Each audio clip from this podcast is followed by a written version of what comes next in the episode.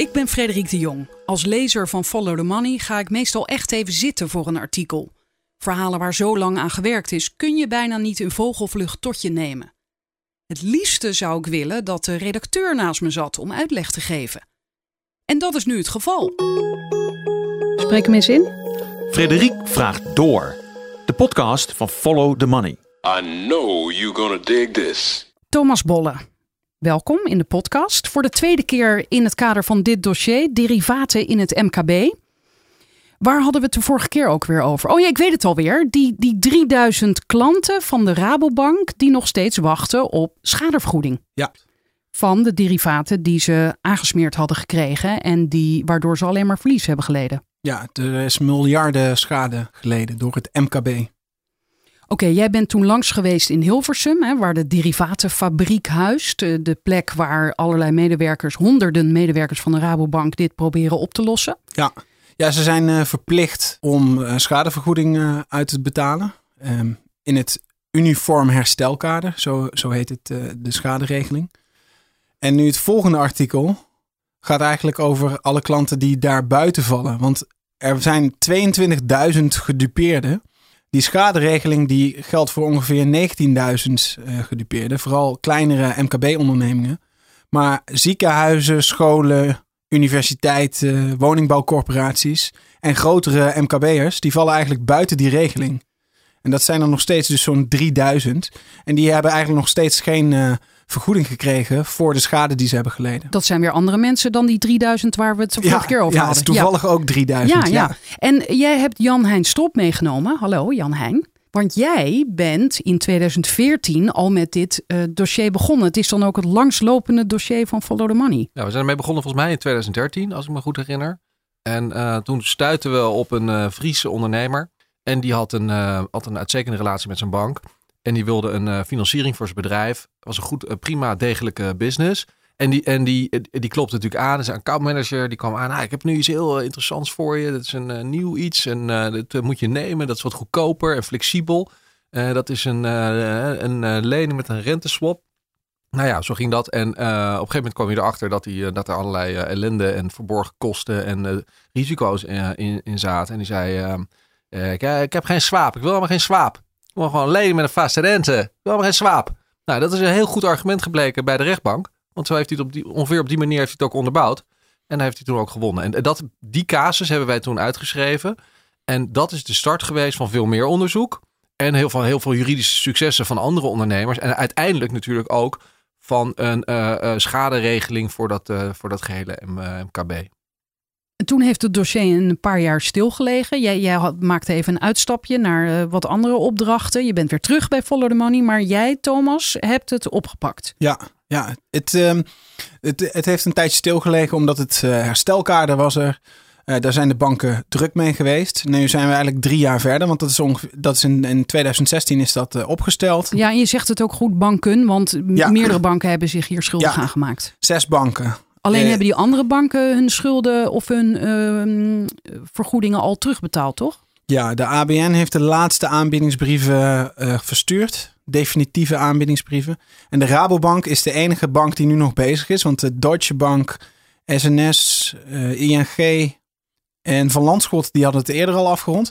Maar die hadden ook veel minder verkocht. De Rabobank en ABN waren, waren de grootste verkopers. Dus de Rabobank heeft ongeveer de helft van die eh, 18.000 eh, contracten, eh 19.000 die nu vergoed worden, ehm, verkocht.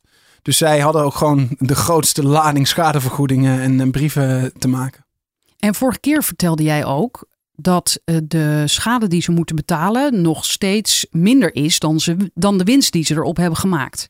Ja, het, het- het- er wordt niet ehm, in alle gevallen alle schade vergoed. En doordat een hele grote groep bedrijven en, en dus semi-publieke instellingen, eh, zoals scholen en, en ehm, ziekenhuizen, buiten die regeling vallen, hebben ze eigenlijk nog maar van, er wordt ges- ingeschat van ongeveer de schade die is ge- geleden, wordt slechts minder dan de helft vergoed. Omdat alle grote partijen, die vallen er buiten. Dus ja, dan is het nog steeds wel lucratief als je, als je maar de helft van de schade hoeft te vergoeden. En waarom vallen die grote partijen erbuiten? Ja, daar gaat het artikel Ah, over. Nou, fantastisch. Dan ga ik het lezen. Maar ik wil nog wel even van jou weten, Jan Heijn. Wist jij toen ook al dat het niet alleen om ondernemers ging, maar ook om publieke instellingen? Nee, want het probleem kwam ook echt als eerste aan de oppervlakte bij al die ondernemers. Ehm, want die zagen zich geconfronteerd met stijgende rentelasten. En als het om kleine bedrijven gaat, eh, dan, ja, dan hakt dat erin op zo'n begroting, op zo'n budget van zo'n bedrijf. En ja, die, die, die, eh, ja, die hebben daar, ondervinden daar het meeste eh, hinder van. Want, want, want die, zo'n DGA van zo'n bedrijf, die wordt echt persoonlijk geraakt uh, door vaak door die fin- financiële problemen. DGA, directeur, Direct- grote aandeelhouder. Exact. Dus die problemen kwamen nog niet aan de orde bij, bij scholen, eh, ziekenhuizen, et cetera.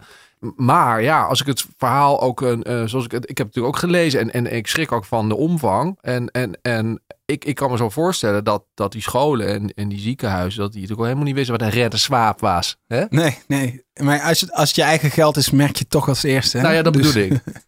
Die eh, ondernemers die, die zagen als eerste van... hé, hey, dit, eh, dit gaat niet goed. De titel is Wettelijk beschermd tegen bankaire wanpraktijken totdat er schade is. Duizenden ondernemers, scholen, ziekenhuizen en woningbouwcorporaties leden grote financiële schade vanwege de financiële producten die ze door hun bank kregen aangesmeerd. Ze dachten op schadevergoeding te kunnen rekenen omdat ze wettelijk waren beschermd tegen financiële wanpraktijken. Dat bleek een wassen neus. Toen de schadebetalingen voor de banken in de miljarden dreigden te lopen, werden wettelijke definities terzijde geschoven. Gedupeerden boven een bepaalde omvang ontvingen daardoor geen cent. De bank was altijd een vertrouwenspersoon, een partner waarmee we samenwerkten. Het klinkt raar dat nu te zeggen, want inmiddels weet ik, het zijn de grootste boeven die er zijn. Maar toen was dat anders hoor. Ze hadden er ook belang bij dat het goed ging met mijn zaak. Aan het woord is een vastgoedondernemer die in 2007 voor ongeveer 20 miljoen euro meerdere renteswaps afsloot bij twee banken. Hij wil zijn verhaal met Follow the Money delen op voorwaarde dat hij anoniem blijft. Want hij zegt: Ik heb nog altijd met die banken te maken. Zijn eenmanszaak is een van de 22.000 ondernemingen die voor de kredietcrisis door de banken renteswaps kregen aangesmeerd. De Nederlandse grootbanken stopten het MKB, woningbouwcorporaties en semi-publieke instellingen zoals universiteiten en zorginstellingen in de jaren vol met deze complexe financiële producten. De banken verzuimden uit te leggen hoe die producten precies werkten en misleiden hun klanten zelfs bewust. Renteswaps leverden de banken mooie winsten op. Hun nietsvermoedende klanten leden vervolgens miljarden schade omdat deze producten helemaal niet geschikt waren voor hun situatie. Op het bureau van de vastgoedondernemer ligt een stapel papier van ruim 20 centimeter. Het dossier van de rechtszaak die hij begin dit jaar aanspande tegen de Rabobank, de voornaamste speler in het derivatendrama. Hij eist dik 4 miljoen euro. Dat is de schade die hij heeft geleden als gevolg van de renteswaps die hij in 2007 bij deze bank afsloot om zich in te dekken tegen rentestijgingen op zijn bedrijfsleningen. Hij zegt het was iets nieuws. De bank zei dat het een beter alternatief was voor een lening met vaste rente.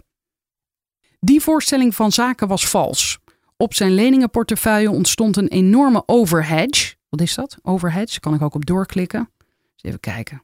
Wanneer je het renterisico van een lening wilt afdekken met een swap, moet het swapcontract exact aansluiten op de hoogte en looptijd van de lening. Een overhedge ontstaat wanneer de renteswap niet nauwkeurig aansluit op die lening en een grotere positie afdekt dan de lening groot is. Bijvoorbeeld doordat een deel van de lening tussentijds is afgelost. Ja, ik lees dit nu wel, maar begrijp, begrijp ik dit? Als je, een, ehm, als je swapcontract eigenlijk over een eh, groter bedrag is afgesloten dan je lening. Bijvoorbeeld als je tussentijds al een deel van je lening aflost, maar dat swapcontract gaat nog steeds over het totaalbedrag. Dus stel je hebt 2 miljoen eh, geleend, je sluit voor 2 miljoen een, eh, een swap af en je lost tussentijds een half miljoen af. En dan klopt het niet meer met, met elkaar en dan eh, heb je dus een overhedge. En dat is eigenlijk een, dat is dan een speculatieve positie, want dan ga je weer risico lopen. Ja, wat jij schrijft hier ook, die renteswaps ontwikkelden een negatieve waarde. Dat kwam dus door die overhedge. Dat is een van de. eh, ja, eigenlijk moeten we even de renteswap uitleggen, of niet, eh, Jan Heijn? Doe maar even, ja. Als jij dat nou even doet. Een swap. Ja, nee, een swap. eh, eh, ehm, ehm, nee, ik denk dat het beter voor jou is, eh, Thomas. nee, het, is, het is een ruil. Een swap is een ruil. Dus je, je wisselt ehm, eigenlijk iets uit met de bank. En het komt erop neer dat, dat ehm, de bank die dekt jou in tegen een stijging van de rente. En jij denkt jij dekt eigenlijk de bank in tegen een eh, daling van de rente. Dus je wisselt dat risico met elkaar uit. En dat is anders dan met een contract met een vaste rente. Want dan spreek je gewoon af, dit, dit wordt de rente. En dan, als de rente dan daalt, dan blijf je nog steeds op dat vaste bedrag zitten. Terwijl dat swapcontract is eigenlijk een, eh, een los contract. En dat ontwikkelt dus ook een eigen waarde. Dus dan heb je naast je lening heb je een contract, dat swapcontract. En op het moment dat jij je dus hebt ingedekt tegen een stijgende rente en die rente gaat omlaag, dan heb je een negatieve waarde. Dan staat jouw contract onder water. En dat gebeurde eh, na de crisis, want toen ging de rente dalen in plaats van stijgen. En al die ondernemers dachten gewoon dat ze net zoiets hadden als een vaste rente. Maar toen bleek in één keer dat, dat hun contract een negatieve waarde had. Ja, de vraag is natuurlijk van, wisten die banken nou in hun forecast, want ze doen allemaal voorspellingen hè, over renteontwikkeling, doen ze allemaal. Wisten ze, hadden ze de voorspelling dat die rente zou gaan dalen na die crisis? En hebben ze juist om die reden voor deze constructie eh, gekozen, om die zo hard te pushen in de markt? En dat is een vraag die, heb jij die vraag wel eens kunnen beantwoorden? Nou, er is een artikel op on- onze site van eh, Jan Heijn, wat daarover gaat. Eh, nee, of nee, dit is van, niet van jou, dit is van eh, Joris. Joris zeggen, ja. Heijn, Joris Heijn. Die werkt niet meer bij FTM, maar die, dat, dat gaat daarover. Over dat er wel degelijk ook bewust, terwijl ze al wisten dat het niet goed was voor die situatie, gewoon die contracten gepusht zijn. Omdat er gewoon zo'n lekkere directe marge op zat en een mooie bonus mee kon eh, worden binnengehaald voor de bankier. Maar welke bewijzen zijn daarvoor dan dat dat bewust is gedaan? Nou, dat, ze hebben dat, dat- Toegegeven. Nou, er zijn in dat artikel interviewt hij een aantal mensen die bij de bank werkten, die gewoon zeiden: we wisten wat daar speelde, maar we gingen die, die eh, swaps nog steeds verkopen. En hoe jij het net uitlegde, wat een swap is, met het indekken. Jij zei je dekt eigenlijk de bank in tegen daling. En dat zei je een beetje lachend. Dat heeft de Ja. bank toen niet En uitgelegd dat aan hebben, de ze niet, dat hebben ze niet uitgelegd. En dat is precies het aspect wat ook eigenlijk onderbelicht blijft. Dat je dus ook, je, je hebt dus een risico op, de, op rentedaling. En dat is nooit goed uitgelegd. En dat is ook precies waarom uiteindelijk die banken hun werk niet goed hebben gedaan. En ze, ze hebben zich namelijk niet aan die verplichting gehouden om ook te zorgen dat degene die het contract koopt ook echt weet wat hij koopt. Dat is de zorgplicht. Daar zijn banken aan gebonden. En dat hebben ze verzaakt. En dat hebben ze ook later toegegeven. En dat is ook onderdeel van die hele terugbetaling, toch? Ja, daarom Ja. is die regeling er ook gekomen. Ja. Nou, jij schrijft hier over die negatieve waarde, die dus eh, bij die swaps eh, plaatsvond eigenlijk. Eh, dat had gevolgen voor het risicoprofiel van, dat de bank van hem, die ondernemer, bijhield. Hè? Want we zijn nog bij die vastgoedondernemer met die stapel papieren. Ja. En dan schrijf jij, de bank schatte zijn financiële situatie vervolgens riskanter in en verhoogde de risicoopslagen op zijn leningen stapsgewijs van 0,8 naar 2,8 procent. Hoewel de marktrente na de crisis alleen maar omlaag ging, werd de ondernemer op die manier juist geconfronteerd met rentelasten die liefst 2% hoger waren dan verwacht. En hij zegt er zelf over dat speelde bovendien in de slechte jaren na de crisis. Ik heb ruim 1 miljoen extra rente betaald. Ja, ja omdat, het, omdat dus, dus die negatieve waarde van die swap, dat, dat, dat bekijkt de bank dan als een, ja, zien ze als een extra risico. Want ehm, ja, eigenlijk bijna als een, als een, alsof je een extra lening hebt afgesloten. En dat werkt door op je risicoprofiel. En dan zeggen ze, nou, deze, je bent risicovoller geworden, dus krijg je een opslag op je rente. En is ja, toch dat zo is bij zuur? deze ondernemer was dat, eh, is dat echt flink opgelopen.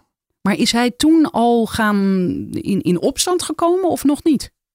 Nou, dan, toen ging de bank eh, kwam, kwam in opstand. De Oh. bank ging allerlei dingen eisen.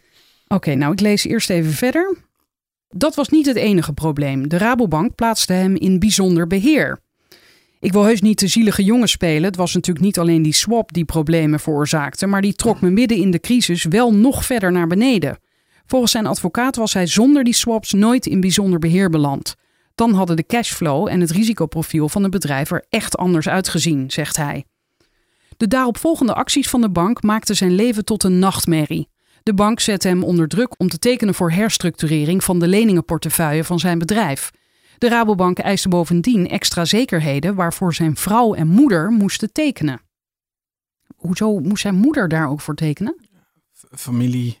Dus het was, was privébezit. Dus dat ging volgens mij om een huis. Oké.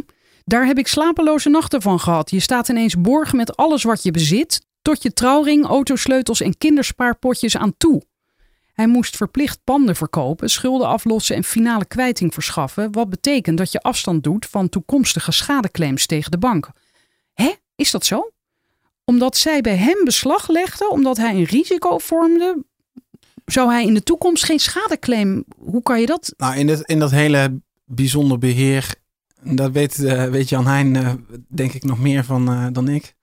Van het bijzonder beheer, wat, wat daar allemaal gebeurde en hoe dat in zijn werk ging. Ja, nou, dat, is een van, de, een van de dossiers. Kijk, die rentederivaten hebben best heel aardig in kaart gebracht, vind ik. En hebben we goed zicht gekregen op wat er ongeveer gebeurd is. Wat de motieven van de bank waren, hoe het verkocht is, wat de schade is, et cetera. Maar dat bijzonder beheer was een veel lastiger onderwerp om, om goed vat op te krijgen.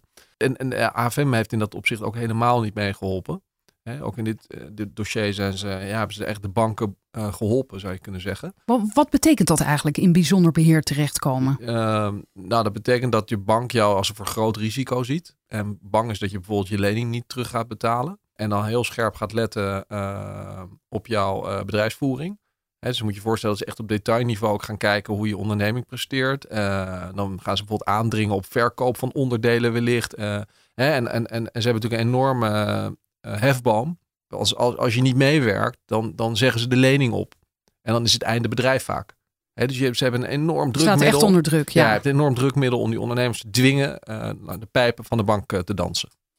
Maar het was dus heel moeilijk om precies te onderzoeken hoe dit werkt. Terwijl ja. je dat nu uitlegt, hoe het werkt. Ja, wat die, is er dan als, lastig? Want als die ondernemers eenmaal in, on, in bijzonder beheer zitten, dan, dan, uh, dan is het voor hun heel lastig om een grote mond op te zetten en transparantie te geven in onze richting daarmee het risico lopen dat die bank uh, de kogel, de, de doodskogel afvuurt, zeg maar. Dus dat, dat was heel lastig. En als, uh, de, dus dat komt eigenlijk pas na faillissement. dat ze wat openheid van zaken konden geven. Ja, en dan zit je ook natuurlijk nog met het probleem dat sommige ondernemers ook terecht natuurlijk in bijzonder beheer zitten. Hè? Nou ja, deze ondernemer geeft ook toe dat het niet alleen maar door die swaps kwam dat hij in de problemen zat. Thomas. Nee, dit was midden in de crisis. Ja. Dus dat, dat maakt het zo extra zuur natuurlijk. Je had het al moeilijk als ondernemer. Dan kreeg je dit er bovenop. Ja. En om dan achteraf te construeren van wat er nou precies gebeurd is. Of het nou terecht was of niet. Of de bank zijn bevoegdheden op de juiste manier uh, heeft gebruikt. Dat is, ja, dat is heel lastig vast te stellen. En, en wat ik wel inmiddels heb begrepen van, uh, van mensen die bij Rabobank hebben gewerkt is dat daar uh, de kettingzaag er wel heel erg hard in ging. En uh, zonder aanzien uh, des persoons en onafhankelijk van de situatie. Zeg van hop, afkappen, verkopen, executeren, klaar. En dat zie je dus ook nu in rechtszaken zoals die OWAT-zaak, die dus nu wordt voortgezet. Dat de OWAT-zaak? Ja, dat is een zaak, die OWAT, die reisorganisatie, ja. die, is, die is kapot gegaan. En dat, wij, dat verwijten ze aan, dat, aan het gedrag van de Rabobank. En, en daar is nu een hele flinke grote procedure voor opgetuigd om die rouwbank op dat punt aan te pakken. En dat is een hele interessante om uh, te kijken of, ja, of daar inderdaad grenzen zijn overschreden en of de bank dan aansprakelijk kan zijn voor de schade die ze veroorzaakt hebben door hun gedrag in bijzonder beheer. Oké, okay, dus dat is op dit moment nog niet duidelijk. Nee. Oké. Okay. En wat hier nou staat, Thomas, uh, over die, die vastgoedondernemer, voor de herstructurering zelf moest hij 20.000 euro aftikken. Ja, dus ze, ze, kunnen eigenlijk dan op zo'n moment alles van je vragen. Het is gewoon, volgens mij zegt hij dat daarna ook uh, met, het, met het geweer tegen mijn hoofd. Uh, ja, hij zegt als je niet tekent verlengen ze de leningen niet en liquideren ze je zaak. Ze opereren echt als de maffia met een geweer tegen je hoofd. En je kunt nergens anders heen omdat je dan eerst de negatieve waarde van je swaps moest aftikken. Ja, je zit gewoon helemaal vast. Dus je kunt nergens heen. Als je niet tekent en niet betaalt, dan krijg je die lening niet meer, dan is je zaak failliet, dan heb je niks meer. Dus je moet wel. Nou ja, dat is het verneukeratieve van die, uh, van die renteswaps en van die marginverplichting, uh, is dat, dat je op een gegeven moment dat je al alles wat je hebt in zekerheid hebt gegeven aan de bank. Dus je kunt ook nooit ergens een cent meer lenen. Je kunt nergens meer aankloppen. Nee. Uh, en je zit dus wat dat betreft volledig in de tang. Hij is niet de enige ondernemer die door de Nederlandse banken onder grote druk werd gezet omdat zijn renteswaps onder water stonden. Jarenlang leken de banken weg te komen met dit soort praktijken, ook al waren zij het die onrechtmatig hadden gehandeld. Met de verkoop van rentederivaten aan het MKB hadden ze hun zorgplicht namelijk geschonden. Waar de Britse toezichthouder, de FCA, al in 2012 ingreep en Engelse banken dwongen ondernemers te compenseren vanwege het vergelijkbare rate swap scandal, schoot de AFM ernstig tekort in het toezicht. De banken mochten van de AFM in 2014 zelf herbeoordelen of ze fouten hadden gemaakt bij de verkoop van rentederivaten. Oh ja, ja. Dat was bij onze vorige, eh, voor ons vorige gesprek, dit is even een herhalingje. Hè? Is Heel goed. lekker. Nee, de kracht van herhaling. Want dit is toch echt de bloody limit.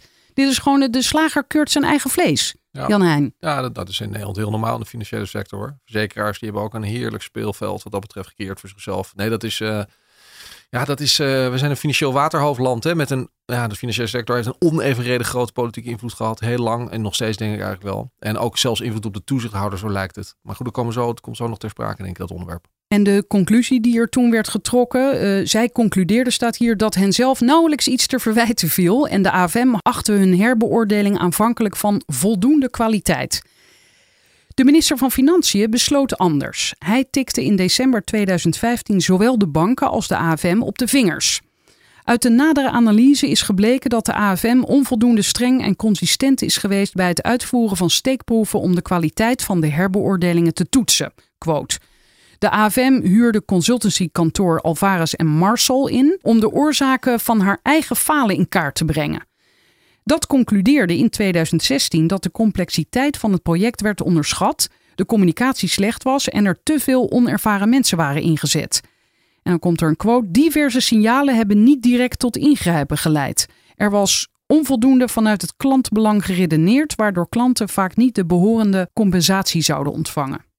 De minister riep in maart 2016 een onafhankelijke derivatencommissie in het leven om een uniform herstelkader rentederivaten UHK vast te stellen dat de gedupeerde gerechtigheid moest bieden. 18.953 ondernemers maken binnen dat UHK aanspraak op compensatie voor de geleden schade. Halverwege 2016 werd de eerste versie van dat UHK gepresenteerd, maar nu, drie jaar later, is de afhandeling ervan nog altijd niet afgerond. Eind april meldde FTM dat 3000 ondernemers nog wachten op een definitief aanbod van de Rabobank. Ondanks die vertraging is Pieter Leijsen, voorzitter van de stichting Renteswap Schadeclaim, over het algemeen tevreden over de voortgang. Hij zegt: Dit is de eerste keer dat ik meemaak dat de banken bij schadeherstel zo in de meewerkstand zitten. Hij is ook te spreken over de hoogte van de schadevergoeding die de commissie heeft opgelegd. Hij zegt: MKB'ers die binnen de regeling vallen worden echt goed gecompenseerd. Maar er is wel een ander pijnpunt. De echte problematiek vinden we bij de dossiers die buiten dat UHK vallen. En dat zijn er veel. Bijna 3000 gedupeerde MKB'ers en semi-publieke instellingen kunnen geen aanspraak doen op het UHK. Ze zijn te groot. Leijsen zegt daarover: als de klanten die op de grens van het UHK balanceren daar toch binnen zouden vallen, krijgen ze een grote schadevergoeding. Het gaat bij dit soort partijen over vele miljoenen. Een doekje voor het bloeden noemt advocaat Jan-Michiel Wagenaar dat UHK. Hij staat verscheidene grotere ondernemers bij in hun juridische strijd tegen de bank en vindt de rijkwijde van het UHK veel te beperkt. Hij zegt het herstelkader biedt vooral herstel voor de banken, maar duizenden gedupeerden krijgen geen cent. Alle grotere MKB'ers vallen er buiten. Hij is ook kritisch over de hoogte van de vergoedingen. Wie wel onder het UHK valt, krijgt slechts een deel van de werkelijke schade vergoed.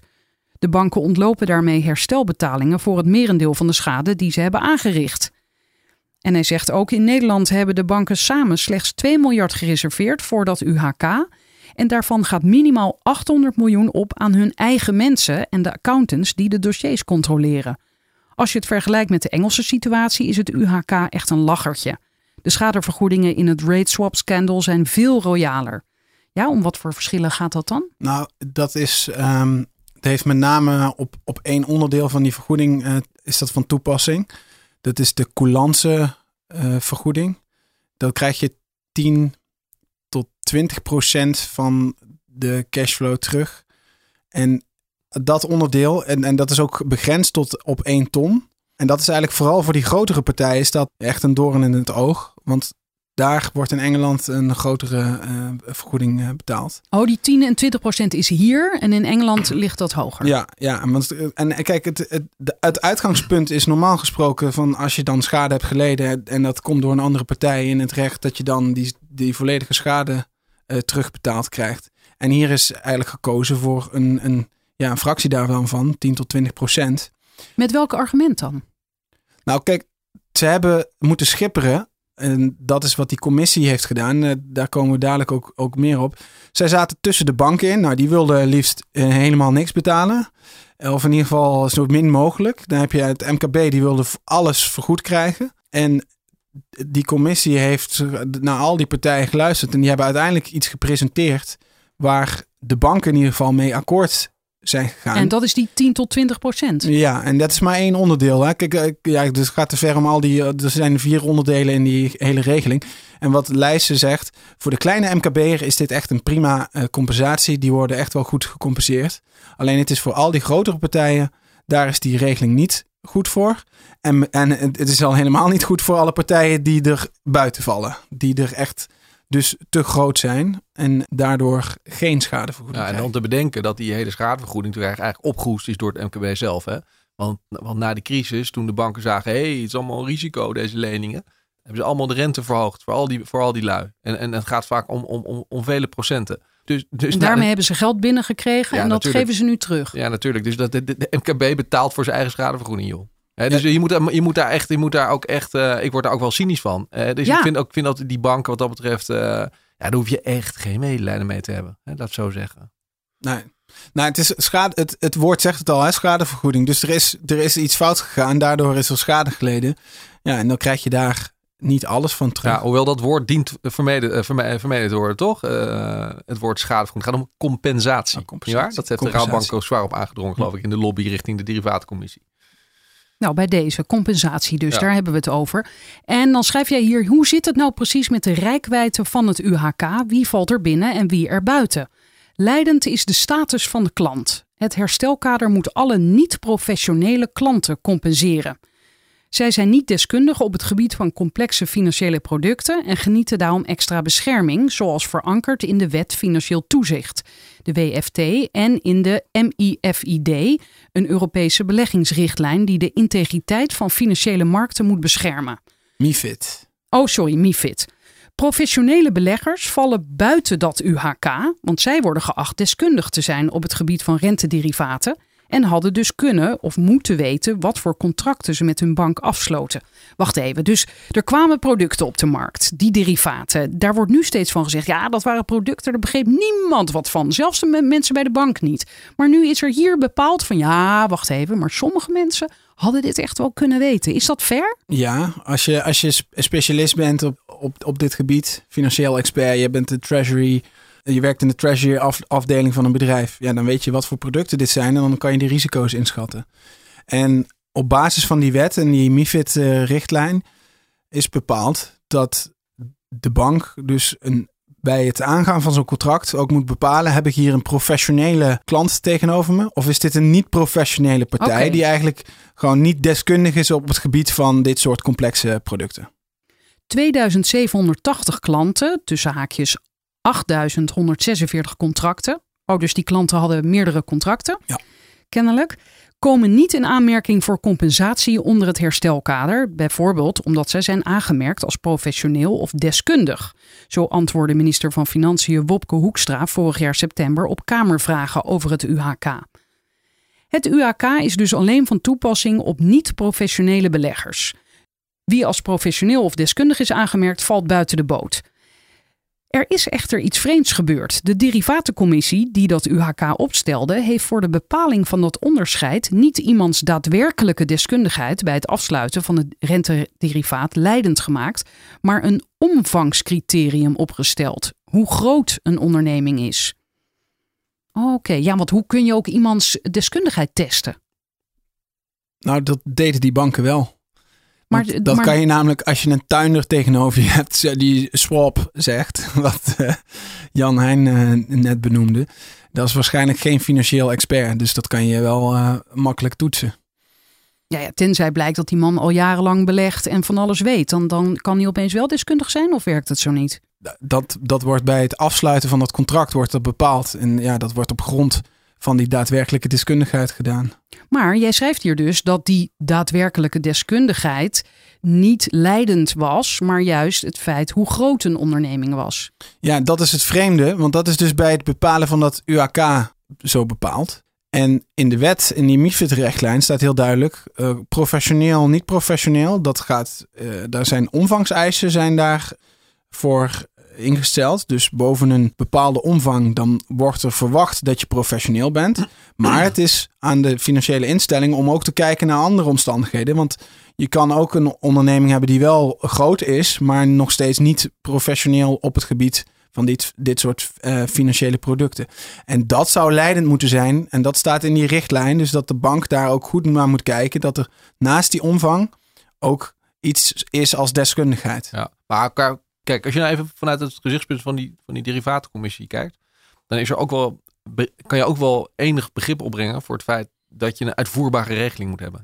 Ja, dat, dat, wat, wat, wat, voor, wat voor een slagveld zou dat zijn geworden als je dus voor ieder, iedere onderneming, iedere instelling moet gaan, die toets ook weer moet gaan doen, waarover vervolgens weer gesteggeld kan gaan worden. Dus ik wil niet zeggen dat het allemaal terecht is of niet terecht op, maar hè, ik, vanuit, het, vanuit, het, vanuit het oogpunt van uitvoerbaarheid uh, zou je er begrip voor kunnen opbrengen. Dat, dat, is, ook, dat is ook precies het uh, argument dat komt uh, verderop in het ja. stuk naar voren. Wat wordt aangedragen? Ik, ja, laten we het eerst even lezen voordat ik ja. hierop reageer. FTM sprak daarover, over dus uh, de, de, het gegeven dat ze keken naar hoe groot een onderneming is. Nou, niet keken, maar nog steeds kijken. Sprak daarover met Theo Kokke, een van de drie leden van die derivatencommissie. En hij zegt: We kregen van Dijsselbloem opdracht een uniforme oplossing te vinden voor niet-professionele partijen, specifiek de MKB'ers. Maar we hebben gekeken naar meer dan alleen het MKB, want dat is natuurlijk een onduidelijke definitie. We hebben besloten, we volgen gewoon de wet om te bepalen wat een niet-professionele belegger is. En dan kom je uit op de omvangscriteria zoals die in de WFT en de MIFID staan beschreven. Kokke legt uit waarom er naast die MIFID-omvangscriteria nog een aanvullende toets van deskundigheid is toegevoegd, die nog meer bedrijven uitsluit. We wilden voorkomen dat grote vastgoedbeleggers, die geen MKB'ers zijn, maar qua balans wel aan die criteria voldoen, binnen dat herstelkader zouden vallen. Van hen mag verondersteld worden dat ze deskundig waren of die kennis inhuurden. Zij hadden vaak een treasury-specialist in dienst. Een van de eisen van deze deskundigheidstoets is opnieuw een omvangstoets. Alle vastgoedondernemingen met meer dan 10 miljoen op de balans vallen door die regel buiten het kader. Oh, en zo komen we kennelijk terug bij jouw vastgoedondernemer die anoniem wil blijven. Ja. Ja, meer dan 10 miljoen op de balans bij een vastgoedondernemer. Dat in Amsterdam, als je geloof ik drie pandjes hebt, dan twee pandjes, dan uh, zit je er, dan al, zit je er al aan. Hè? En dat zijn gewoon, ja, dat zijn gewoon, dat zijn niet heel, dat zijn vaak uh, eenpitters die een beetje geld hebben en die, in die dat een beetje investeren. En dat uh, zijn niet per se beleggingsspecialisten. Nou, nee. Zo, die, ik ken er een paar. Dat, dat, zijn geen, special, geen beleggingsspecialisten, nee. Ook de vastgoedondernemer die eerder aan het woord kwam, ja, daar is die, valt hierdoor buiten dat UHK. Zijn swapcontracten overstijgen immers de 10 miljoen. En hij zegt, voor de financiering van grote vastgoedprojecten zit je al snel boven dat bedrag. Dat kun je niet met eigen geld doen. Maar daarom is hij niet meteen deskundig op het gebied van rentederivaten. Ik ben geen professionele partij met een treasury afdeling. Ik heb gewoon een eenmanszaak. Ik zet mooie gebouwen neer. Ik heb met moeite het MBO afgerond en de rest heb ik in de praktijk geleerd. Simpele financiële zaken begrijpt hij gerust. Hoe hoog moet de lening zijn, voor hoe lang, 1, 3 of 5 jaar en wat voor rente betaal je dan? Dat soort dingetjes. Maar overhedges, marginverplichtingen of een negatieve waarde die op de balans van zijn bedrijf zouden drukken, daarover had niemand hem iets verteld. Mijn accountant, een van de grote vier, wist aanvankelijk niet eens dat die negatieve waarde op mijn balans kwam te staan. Die ontdekte dat pas jaren later. Hè, een van de grote vier accountants, ja, die, hoe kan die dat nou accountants wisten zelfs niet uh, hoe, hoe die derivaten werkten. Dus die, die, uh, die, die kwamen er in één keer achter, oh, dit hebben we verkeerd uh, beoordeeld. Het had op de balans gemoeten. Ik zucht even heel diep. Zijn advocaat vindt het absurd dat zijn cliënt buiten dat UHK valt omdat hij professioneel zou zijn. Ook de bank zelf heeft mijn cliënt altijd als niet professioneel gekwalificeerd. Hij slaat een van de mappen op het bureau open en zoekt het formulier dat ten tijde van de verkoop door de bank is ingevuld. Hij wijst het vakje niet professioneel aan, niet het hokje professioneel. Maar bij de schaderegeling wordt zijn cliënt ineens wel als professioneel aangemerkt, simpelweg omdat hij de omvangscriteria van het UHK overschrijdt. Dit is volgens de advocaat volledig in strijd met jurisprudentie. Zelfs voor professioneel geclassificeerde klanten is uiteindelijk de relevante kennis en ervaring met derivaten doorslaggevend en niet de omvang. Zijn cliënt is niet de enige klant die achteraf anders wordt ingedeeld omdat de bank met twee maten meet. Zeer onrechtvaardig noemt Pieter Leijsen van de stichting Renteswap Schadeclaim deze herkwalificatie. Hij spreekt bovendien tegen dat het omvangscriterium vooral vastgoedjongens uitsluit. Denk aan komkommer- en tomatenkwekers die een paar voetbalvelden aan kassen hebben staan. Daar werken doorgaans alleen de familieleden en wat Poolse plukkers. Het zijn bedrijven met een grote omzet, maar dat betekent niet automatisch dat ze verstand hebben van derivaten. Naar de aard van het bedrijf wordt niet gekeken. Hij geeft een ander voorbeeld. Ik adviseer een kerkgenootschap dat werkelijk niets weet van rentederivaten. Maar ze hebben twee kerken op de balans staan. De waarde daarvan is boven de 20 miljoen gestegen. Daardoor worden ze binnen het UHK ineens als professioneel geclassificeerd.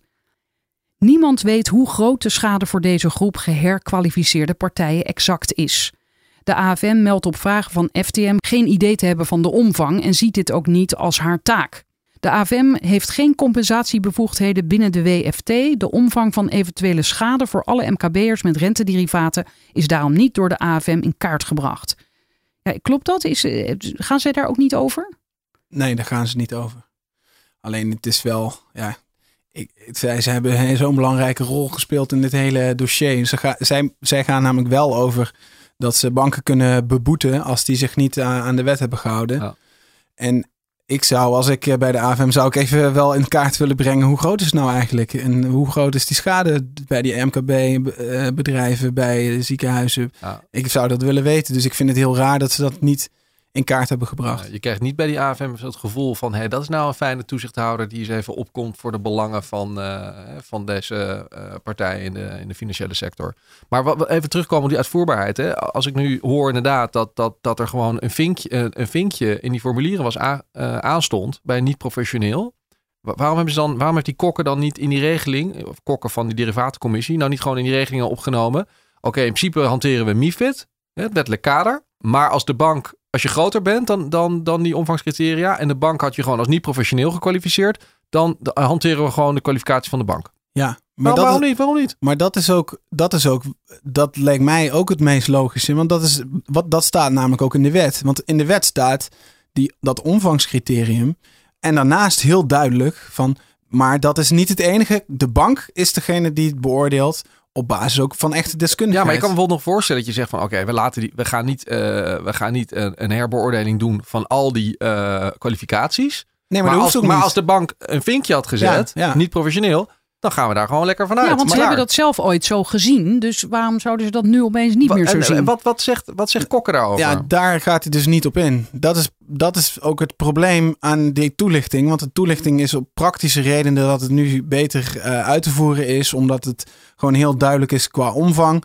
Nou, da- daar zijn die MKB-adviseurs dan ook weer niet over eens dat het dan altijd duidelijk is. Want dan gaat het ook weer welke omzet van precies welk jaar is dat, eh, klopt dat wel? En wanneer is die swap afgesloten? Zijn er meer? Dus daar is nog steeds discussie over. Maar het grootste punt is, die bank heeft altijd bij het afsluiten van die swapcontracten een keurig kruisje gezet. Niet professionele klant. En als je die kwalificatie hebt, dan ga je ervan uit dat je ook de bescherming Ja. hebt volgens de wet die daarbij past. En Klink- dat is in één keer ja. niet meer aan de hand. En daar geeft die derivatencommissie geen goede toelichting op. Althans niet inhoudelijk waarom dat dan zoveel problemen zou op, opleveren. Want ik, ik zie dat niet. Want die dossiers die ik heb gezien en ook wat die, al die eh, advocaten vertellen, die, die honderden dossiers zien. En eh, bijvoorbeeld van de renteswap eh, schadeclaim.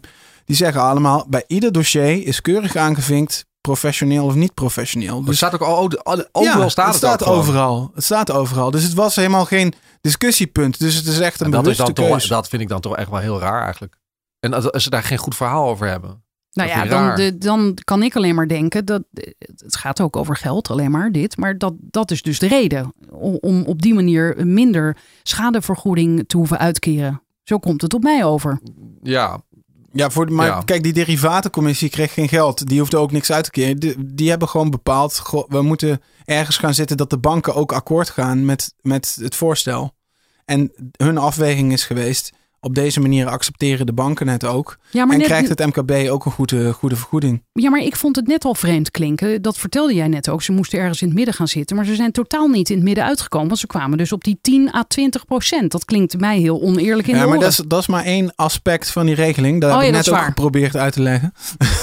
maar, maar voor het kleinere MKB is het echt wel een fatsoenlijke Oh ja. regeling. Als je gewoon oké. standaard swapcontract had, krijg je nu je schade wel eh, gecompenseerd. Oké, maar dit blijft dus een merkwaardige kwestie. van dat Nou, vinkje. nou, eh, vooral dat er gewoon een goed verhaal over is. Ik, ik, vind, ik vind dat je dat moet kunnen uitleggen dan als je zo'n commissie Ja. bent. Daar moet je een goed verhaal over hebben. Eh Kokke zegt, we hebben geprobeerd zo, zo eh, strak mogelijk bij de opdracht van de minister aan te sluiten. En die, die opdracht heb ik ook erbij gepakt. Daar staat inderdaad in het MKB. Dus daar wordt echt op het MKB gepusht. Maar er staat ook niet-professionele klanten. En in een nadere toelichting en eh, e- e-mail eh, die openbaar zijn geworden via een WOP, staat ook heel duidelijk dat alle niet-professionele klanten moeten worden meegenomen binnen het opstellen van dat UAK. En niet alleen het MKB.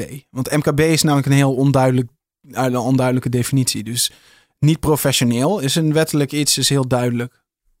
Advocaat Hester Baes, wier kantoor voor diverse partijen tegen de banken procedeert, spreekt van een onterechte aanname. Omvang is niet hetzelfde als deskundigheid. Talloze grotere zakelijke klanten, niet alleen vastgoedondernemers, maar ook universiteiten en zorginstellingen, waren absoluut niet deskundig op het gebied van renteswaps. Dat wisten de banken en dat hadden ze gewoon zo in hun administratie staan. Deze partijen waren bij het afsluiten gekwalificeerd als niet professioneel. Ja. Toch ging de AFM stilzwijgend akkoord met striktere eisen voor de toepassing van het herstelkader, waardoor deze gedupeerden ineens voor professioneel werden aangezien en zijn uitgesloten dus. Advocaat Chantal van den Borne, bij Dirkswager gespecialiseerd in rentederivaten, zegt: Het gaat om publiek geld. Onderwijs en zorginstellingen hebben dat geld keihard nodig. Alle grotere partijen zijn uitgesloten van het UHK. Het geld dat ze kwijt waren aan hun renteswaps gaat dus niet naar onderwijs of zorg, maar is ten onrechte in de zakken van de bank verdwenen. Het gaat volgens haar om substantiële bedragen. Ze spreekt van swaps van tientallen miljoenen. De pijn voor semi-publieke instellingen is groot, maar ze zijn vakkundig buiten de deur gehouden wat betreft schadevergoedingen. Alleen wanneer ze procederen kunnen ze mogelijk geld terugkrijgen. En dat is nu nog hun enige optie. Baes en Van den Borne hebben zowel de AFM als de Derivatencommissie herhaaldelijk vragen gesteld over die herkwalificaties. Van den Borne zegt: Wij hebben benadrukt dat de oorspronkelijke kwalificatie van de bank leidend moest zijn, want die is indertijd gemaakt op basis van de kennis die toen bij de klant aanwezig was. De banken adviseerden renteswaps aan instellingen die nooit eerder met financiering en renterisico te maken hadden gehad. Van den Borne zegt: De AFM en de Derivatencommissie hebben niets met onze vragen gedaan. Ook minister Hoekstra zag geen veldje aan de lucht. Hij antwoordde in september vorig jaar op Kamervragen.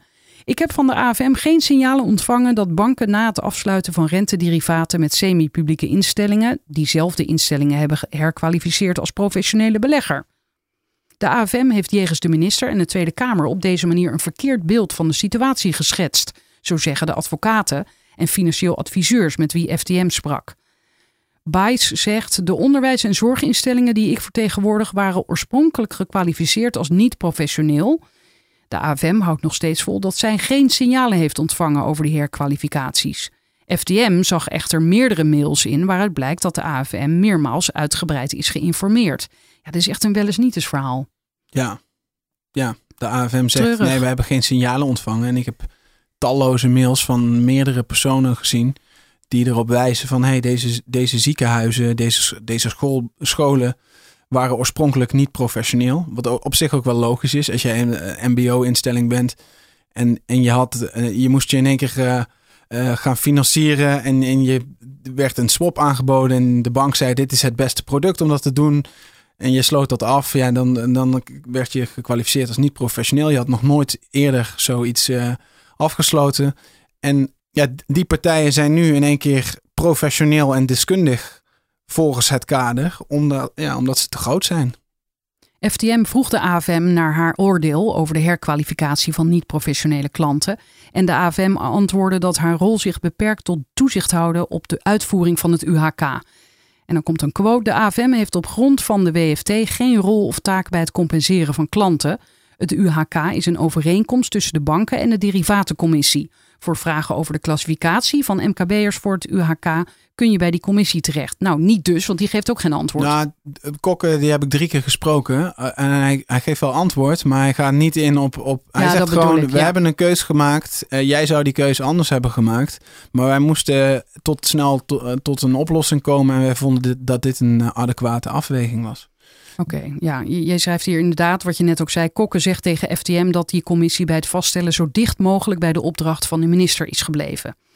In zowel de WFT als de MIFID staat echter expliciet dat de klassificatie niet professioneel ook kan toevallen aan partijen die een substantiële omvang hebben. Met andere woorden, het omvangscriterium aan zich kan nooit leidend zijn.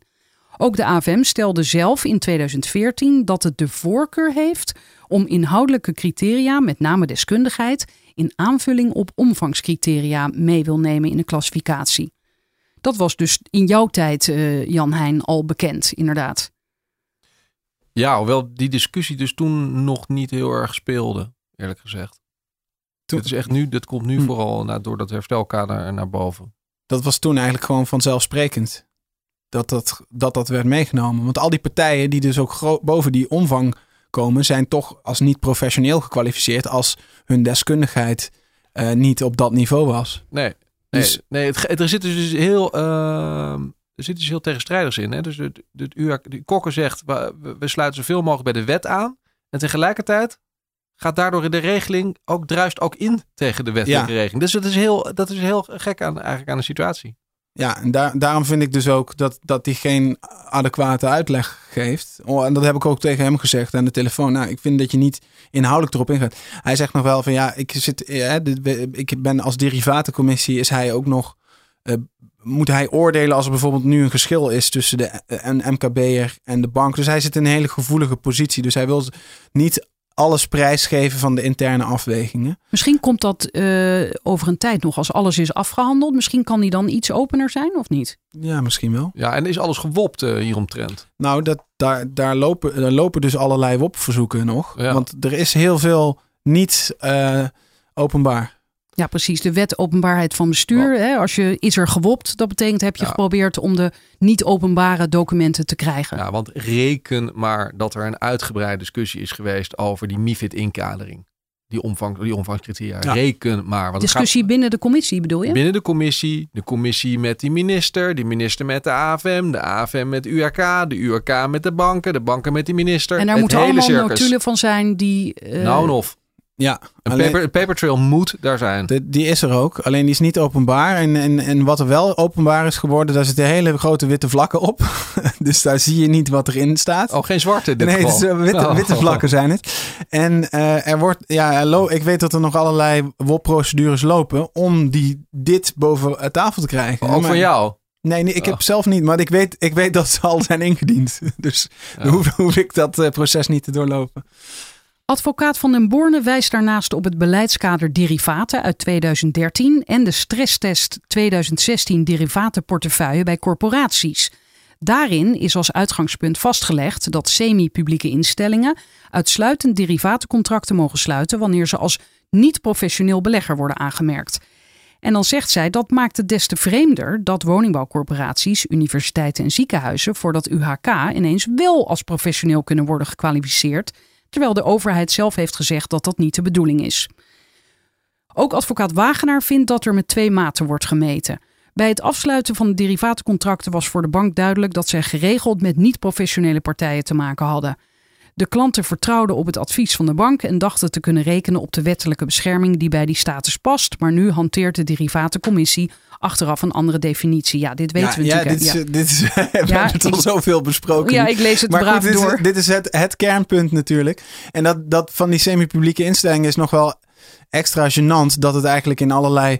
Uh, ja, beleidskaders dan is vastgesteld van deze, deze partijen mogen dit soort producten alleen maar afnemen als ze niet professioneel zijn. Want dan genieten ze extra bescherming. Maar nu in het kader vallen ze er buiten. Ja. Dus, dat gaat ook druist. Het is gewoon. Er zit hier iets waarvan je echt denkt: dit, dit is zo tegenstrijdig allemaal. Dat, dat klopt niet. Klanten die buiten dat UHK vallen kunnen geen bindend advies van de derivatencommissie vragen. Het enige dat ze rest is een gang naar de rechtbank. Maar ook rechters oordelen verschillend. Oh god. In hoger beroep zijn verschillende vonnissen herzien en werd geconcludeerd dat er sprake was van dwaling. Banken hebben klanten onvoldoende ingelicht over de risico's van derivaten. Dwaling is een hard oordeel. De bank moet in zo'n geval de gevraagde swapcontracten door de shredder halen, alsof ze nooit waren afgesloten. En dus al het geld teruggeven. Ja, dan wordt alles teruggedraaid. Ja. Het gaat hier om vonnissen die grote consequenties voor de banken hebben. Sommige rechtbanken durven dat niet aan. De scheiding der machten is soms ver te zoeken, zegt advocaat Wagenaar. Net als Van den Borne is hij betrokken bij een zaak waarover prejudiciële vragen zijn gesteld aan de Hoge Raad. Baes verwacht, oh wacht, deze week, wanneer is dat? Dat was vorige week. Oké, dus Die is er niet gekomen. Oh, wacht even. Dus ik zeg, eh, oh nee, oké, dan kunnen we dit er wel in laten gewoon. Oh. Oké, zij verwachten dus twee weken geleden, of straks misschien al drie weken geleden als u luistert, of wie zal het zeggen over een half jaar. Zij verwachten dus eind mei het arrest over die zaak, die zij in september 2015 op dwaling won bij het Hof in Amsterdam. Hopelijk verschaft de Hoge Raad inzicht in die kans op schadevergoeding voor ondernemers en semi-publieke instellingen die buiten het kader vallen. Baes zegt erover: lagere rechtbanken moeten de uitspraak van de Hoge Raad volgen. Het Hof van Amsterdam heeft als hoogste feitenrechter de fouten van lagere rechtbanken rechtgezet. Maar die uitspraak is juridisch nog belangrijker. Ze heeft goede hoop in de uitkomst. Als advocaat geloof ik in de onafhankelijkheid van de Hoge Raad. En vertrouw ik erop dat het recht zal zegevieren. Ja, alleen niet eh, eind mei dus. Nee, het, wordt, eh, het is nu uitgesteld tot 12 juli. Hm. En ehm, ja, dus zelfs de Hoge Raad vindt het, eh, vindt het ingewikkeld, die renteswaps. Eh, eh, maar dat schijnt vaker te ge- gebeuren dat, dat eh, dit soort dingen worden uitgesteld. Ja, dit, kan heel lang duren, eh, de Hoge Raad. Ja, ja dat is, eh, het is jammer dat er niet, eh, in dit geval wat niet meer vaart achter zit. Hè? Want die, eh, die mensen wachten al zo lang op schadevergoeding. Zo Ja. lang, dit, dit, dit probleem stammen uit 2013. Maar het is, het is zo complex dat dus die gewone rechtbanken die, eh, die eh, vegen eigenlijk veel van die claims van tafel. Dus dan wordt de bank in het gelijk gesteld.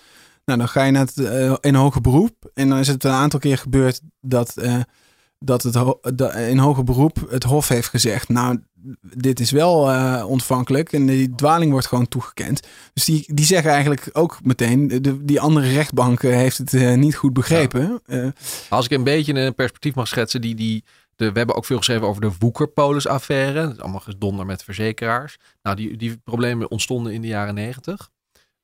Daarover wordt nog steeds geprocedeerd. Nog Oh. steeds. Bedoel, het, het, Ongelooflijk, het- ja. dit- Ook dit, ook dit gaat, gaat nog echt nog heel erg lang duren. De vastgoedondernemer is al met een zaak bezig. Andere opties had hij niet meer. Maar zegt hij, dan moet je wel jarenlang een advocaat kunnen betalen, want één jaar is niks in zo'n rechtsgang. Alle claims die zijn advocaat bij de Rabobank indiende werden afgewezen. We moesten volgens de Rabobank eerst dat UHK-aanbod afwachten. Maar dat aanbod liet jaren op zich wachten. Er kwamen meerdere brieven met excuses voor de vertraging. Maar uiteindelijk kreeg hij te horen dat hij niet in aanmerking kwam voor het UHK. Zijn advocaat zegt: het zijn vertragingstechnieken. Wanneer een cliënt vervolgens een claim indient, roept de advocaat van de bank als eerste dat de claims zijn verjaard. Dit soort praktijken zie ik bij al mijn cliënten terugkomen. De ondernemer zegt: Ons eigen geld is als sneeuw voor de zon weggesmolten. Dit grapje heeft me miljoenen gekost. Geld waar ik met mijn familie hard voor heb gewerkt. Maar hij ziet het nu weer positief in. We zijn van alle kanten gebakt, maar gelukkig waren we niet maximaal gefinancierd. Zodoende hebben we het overleefd en nu kunnen we weer gaan bouwen. De procedure zet hij voort. Er is mij zoveel onrecht aangedaan, ik laat de bank er niet mee wegkomen. En daar eindigt jouw artikel. Nou, je moet inderdaad behoorlijk strijdvaardig zijn om dit vol te houden. Ja, ja. En veel geld hebben verloren. Ja, en heel boos zijn en Ja. doorgaan. Ja, maar ik heb toch wel goede hoop ook wel voor die scholen en die woningbouwcorporaties. Want als die bank destijds heeft gezegd, je bent niet professioneel.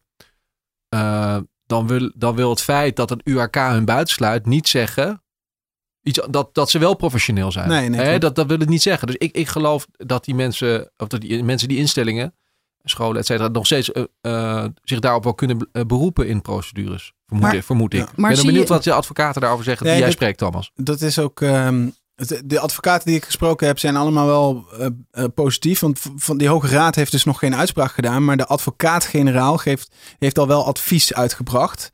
En die heeft dus eigenlijk met, die heeft zich bezig gehouden met die vragen. En die heeft dan al antwoorden opgeschreven. En die waarschijnlijk, en dat gebeurt vaak, dat de Hoge Raad dan die antwoorden meeneemt. En daarin zitten een aantal aspecten die echt wel goede hoop geven om eh, door te blijven procederen. En dat je daarin wel echt kans hebt ook op, op volledige schadevergoeding. Maar geldt dat dan ook bijvoorbeeld voor deze ondernemer? Hebben jullie daar ook hoop voor? Of is dat weer heel ja, anders? ja, deze, deze eh, heeft een claim van 4 miljoen uitstaan. Ehm, en hij heeft wel, volgens mij heeft hij wel een goede kans. Ik heb dat hele dossier eh, bekeken. En ja, je ziet gewoon heel, het is echt goed onderbouwd. Van dit is er, dit is er eh, verteld toen hij eh, de swap kocht. dit is wat het resultaat was van die swap. Dat komt niet met elkaar overeen. Dit is, het is heel goed uitgerekend. Dit is de schade die daardoor is geleden. En dit is mijn claim. Alleen, ja, de Rabobank heeft gewoon heel lang gezegd... We zijn nu bezig met het UAK, dus we nemen je klacht niet in behandeling. Ze zeiden ook gewoon klacht in plaats van claim. Uh, en dat is blijven liggen. En totdat hij uh, ook naar de rechter is gegaan. Dus hij zei ook nog van ja, je moet naar de rechter. Dat is de enige manier. Anders doen ze gewoon niks. Want je, ja, zolang je niet formeel uh, ze aanklaagt, laten ze je gewoon in de kou staan. Ja. Worden die derivaten eigenlijk nog steeds verkocht? Ja, aan professionele partijen zeker. Tuurlijk, want het is op zich een, uh, rentederivaat is, is op zich niet een heel exotisch spannend product hè, voor iemand die er verstand van heeft. Hè, dus het afdekken van renterisico's gebeurt voortdurend, ook door pensioenfondsen bijvoorbeeld. Het is de normaalste zaak ter wereld. Niks, niks, niks Hij is nog steeds wel complex hoor, maar het, het, het, het gaat erom dat een je plain, weet... Wat, wat heet een plain vanilla rentederivaat? Ja, Renteswap nee, dat- is, is... wordt Plain niet, vanilla? Ja, zo heet dat in de financiële wereld. Dat wordt, dat wordt door, door de specialisten niet als een bijzonder complex product beschouwd. Maar oké, laat ik het anders vragen. Worden er nog derivaten verkocht aan mensen die er geen verstand van hebben? Nee, dat, dat is volgens mij nu wel eh, klaar. Dat durf jij wel dat hardop ma- te ja, zeggen. dat, dat doen ze niet meer. Jij Dat- ook, Jan Heijn? Nou, ik volg dat veel minder goed dan Thomas. Maar ik, die signalen, ik heb nooit meer signalen gehad dat, dat die anno nu nog steeds eh, eh, als warme broodjes over de toonbank gaan. Nee, Oké, dat is niet. een eh, lichtpuntje. Nee. Maar voor, voor al die... eh ehm ja, jawel, ik wilde je dankjewel al, zeggen. ja, ik zeg, ik zei Nee, voor al de die- D al van Wel, dankjewel. Voor al die ehm, ziekenhuizen, scholen, dat soort partijen. Wat daar ook nog wel speelt, is dat het, het zijn publieke instellingen. En Je hebt daar eh, te maken met bestuurders die op hun plek zitten. Die zijn, die, als ze gaan procederen, geven ze eigenlijk ook toe dat ze zelf eh, rare dingen hebben gedaan. Of eh oh, speelt ook nog onbekwaam weer een ego-kwestie. Ja, en bij die ondernemers natuurlijk eigen geld. Dus die zijn geld verloren. Die weten, ik kan hier eh, procederen, ik krijg 4 miljoen terug. Maar bij die instellingen is het nog maar de vraag of ze allemaal ook echt gaan procederen. Breng dat in kaart. Interessant. Dat is Ja. wel interessant, ja. Ja, ja, ik hoop inderdaad. eh, ook snel wat de partijen daar te spreken. Ook weer eh, anoniem, want het is net allemaal heel gevoelig. Omdat ja, het- al, die, al die partijen zitten toch weer bij een van die banken. Omdat we- zoveel banken hebben we in Nederland niet. Dus Nee. zijn daar nog steeds eh Maar ja, het van gaat wel om ons geld. Hè? Dus eh, wel eh, belangrijk. Ja, jij deed nu aanhalingstekens in de lucht, maar dat zien we niet hè, in de podcast. maar het, het- die, geld. nee, maar die geld. aanhalingstekens kunnen gewoon weg. Het gaat om ons geld, Ja. punt. Ja, het is Ja. publiek geld. Zo is Oké. dat. En daarom is het eh, zeer Ja. belangrijk dat we dit dossier goed blijven volgen. Kan ik nu dankjewel zeggen? Ja hoor. Dank jullie wel. Ja, graag gedaan. Graag gedaan. Wil je weten wanneer een nieuwe aflevering online staat? Schrijf je in voor mijn nieuwsbrief. Die vind je bij ftm.nl slash Frederiek.